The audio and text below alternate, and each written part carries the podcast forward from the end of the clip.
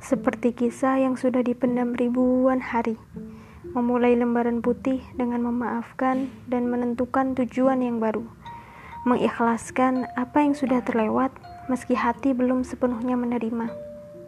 Setiap kita adalah pembelajar, bukan? Belajar dari masa lalu, belajar menyikapi hari ini, dan belajar merancang masa depan.